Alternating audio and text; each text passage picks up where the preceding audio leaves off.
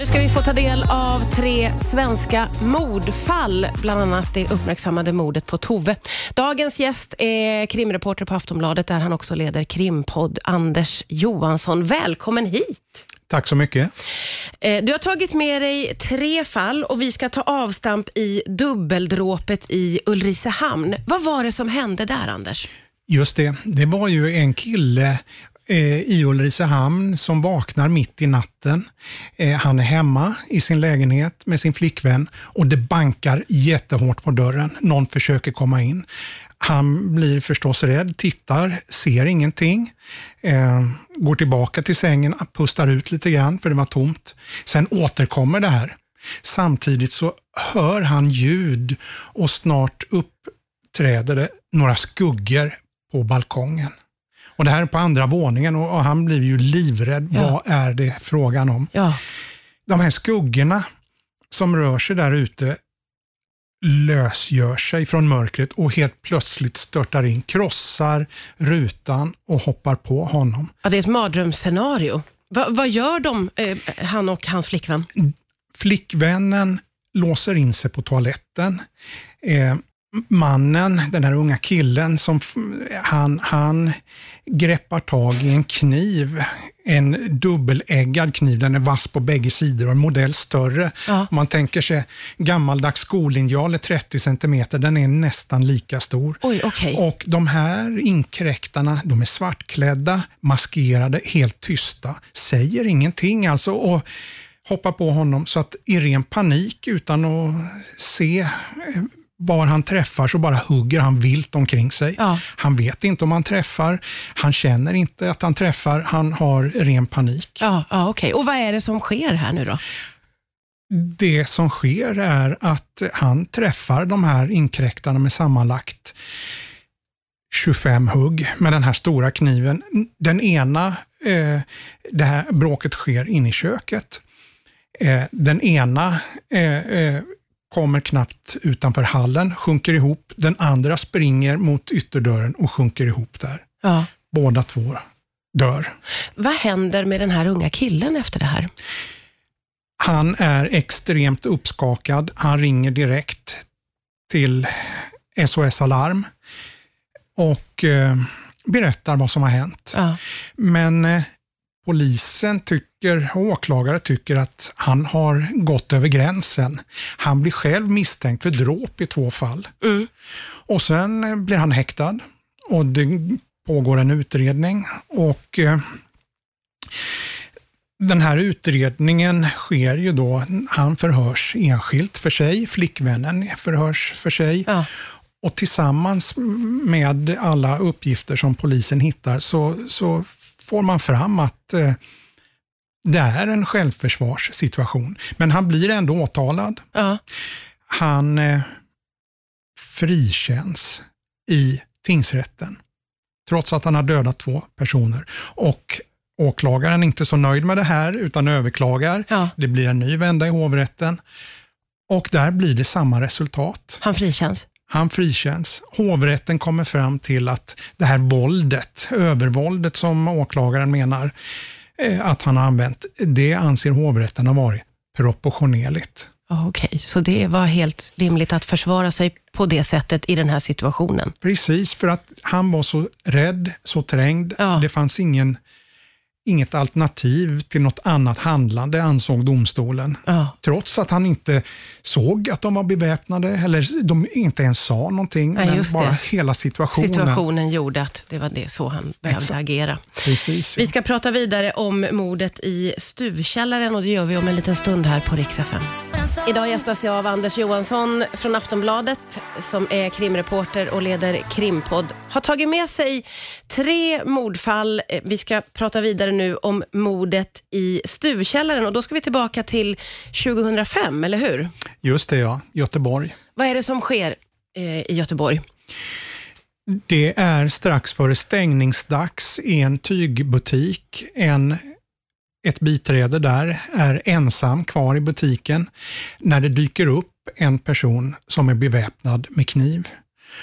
Och eh, Det slutar med att eh, offret som heter Marie Johansson blir, blir knivhuggen till döds. Ja. Och eh, Det här upptäcks dagen därpå när hon inte har svarat i telefon som hon brukar. Ja, just det. Eh, och, och Vad sker sen? Vad vet man om det här överfallet och personen som gjorde det? När man kommer till platsen så ser man att det är mycket blod naturligtvis eftersom det är ett knivmord. Man tar DNA-prov, test, eh, sparar på olika ställen och man ser ganska så direkt att det även finns skoavtryck i blod här. Så, Och- så bra bevis. Just det, och då tycker sig utredarna se att det här är skor från en kvinna. Okej. Och Det här bekräftas sen när man kör en eh, DNA-analys. Ja. Då visar det sig att det är inte bara blod från Marie Johansson, offret, utan även från gärningskvinnan. Ja, ja, ja. Det är en kvinna som har gjort det här. Som Ja. har skad, det är inte alls ovanligt att den som är gärningsman i, i sån här knivvåld också skadar sig Skadar själv sig på kniven. själv. Och så var det i det här fallet. Ja, och man ja. säkrar DNA, som ju är en bra bevis. Och hur går polisen vidare då? Då topsar man människor? Ja, då börjar man leta efter personer som man kan jämföra det här starka beviset mot. Eh, bara att hitta rätt person Ja, ja, ja, så är det liksom klappat och klart. Men det är inte Eh, så helt det- enkelt alla gånger. Nej, nu verkar det Det fanns en övervakningskamera också så att man hittade filmer som var jättesuddiga på den här tiden. Så det var någon, någon suddig skepnad där. Men, men man testar och testar och testar och sen är man uppe i flera hundra tester men inget som Inget. matchar. Men 17 år senare så händer det någonting. Vad är det som sker då? Just det, då är det en familj som har varit och handlat i en IKEA-butik. De går igenom den här självskanningen och eh, då är det någon uppmärksam vakt där som tycker att de inte har skannat allt. Okej, det har fuskats lite. De har fuskat och, och, och då gör de en kontroll och då visar det sig att eh, ja, det är mycket riktigt så. Det, den här kvinnan i familjen har, som, är den som ska vara ansvarig för köpet, hon, hon har inte skannat allt. Det är Nej. bland annat någon större bokhylla och sånt där.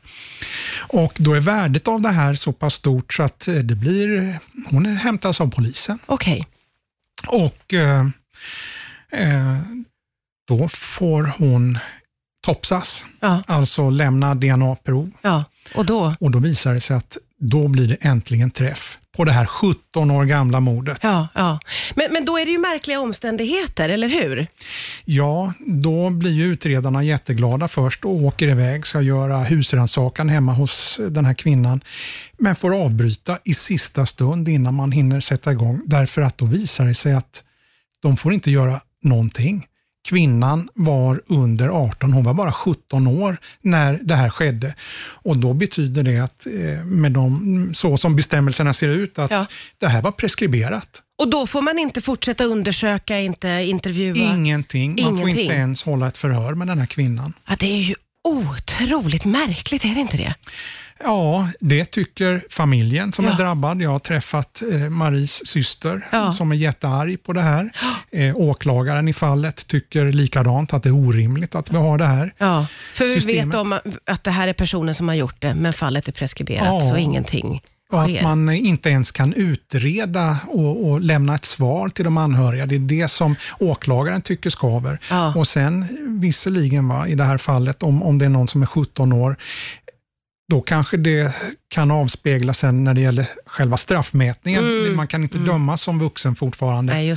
Men att man inte ens får utreda, det, det tycker Ja, det är ju många. väldigt speciellt naturligtvis. Vi ska prata vidare om fallet Tove alldeles strax på Rix. Det är lite av en krimonsdag här idag. Det är Anders Johansson från Aftonbladet som är här och tar oss igenom eh, tre olika mordfall. Vi ska eh, avsluta med mordet på Tove. Det här har ju varit väldigt uppmärksammat och väldigt, väldigt omskrivet. Eh, en liten eh, recap kan vi ändå ta kanske om vad som har hänt. Just det. Det här skedde ju i Vetlanda i Småland. Det är två yngre tjejer som eh, eh, får med sig en tjejkompis hem till en lägenhet och där blir det bråk. Det är något gammalt gruff som plötsligt blossar upp. Och eh, det här leder till att eh, det blir ett bråk in i lägenheten i det här väldigt lyhörda huset. Eh, det hörs kraftiga dunsar som man, eh, ja, Tove blir mördad kort sagt Ja. i, i, i den här lägenheten. Ja, just det. Eh, och eh, nu, Vi vet ju också, man har ju fastställt dödsorsaken, eller hur? Ja, dödsorsaken är ju en fråga som kommer att komma upp här framöver. Alltså Rättsmedicinalverkets utredare, de har ju eh, klarlagt, menar de, att det är strypning. Det är det här våldet, eh, eh, men framförallt strypningen som har lett till att, att eh, Tove dog. Men de här två tjejerna som är dömda, de dömdes ju till livstid Ja. först i tingsrätten. Ja. De kommer ju komma upp nu här snart i, i hovrätten och den ena av dem eh, har då lyckats anlita ett nytt expertvittne, en professor, en, en rättsmedicinare, Ja. som ska försöka slå hål på den här dödsorsaken och, och han har nu, eh, och han kommer höras då i hovrätten, han kommer han menar att det finns en annan dödsorsak än strypning, nämligen att hon, Tova, andats in maginnehåll. Okej, och på vilket sätt skulle det förändras, det här scenariot då? Ja, alltså om det är så att eh, Tove har andats in maginnehåll eh, som hon kanske har gjort efter att ha ramlat och slagit i huvudet, då faller sannolikt de- här bevisen, då är, då är det inget mord helt enkelt. Då kan det vara ett vållande och då är det ju inte alls livstid. Då kan man ju komma undan med ett par år kanske bara. Och, och vad, vad tror du om, eh, om de här uppgifterna och, och vad som Ja. komma skall här? Eh, osvuret är bäst brukar det heta, Ja, det men, men, men eh, vi har... Eh, det finns uppgifter om att eh, åklagaren ska matcha det här med ytterligare experter. Och Ja. Nu är det landets högst, högsta expertis på området, Socialstyrelsens rättsliga råd, som ska yttra sig. Och så vitt vi har hört så tycker de att det är nog strypningen då som Ah, okej. har orsakat döden. Ja, okej. Men eh, det här Ja, det- kommer upp om några ja, veckor. Det är om några veckor. Det ska alltså prövas nu i höst här och det får vi naturligtvis följa nogsamt. Anders Johansson, tusen tack för att du kom hit till Rix FM idag. Tack så mycket.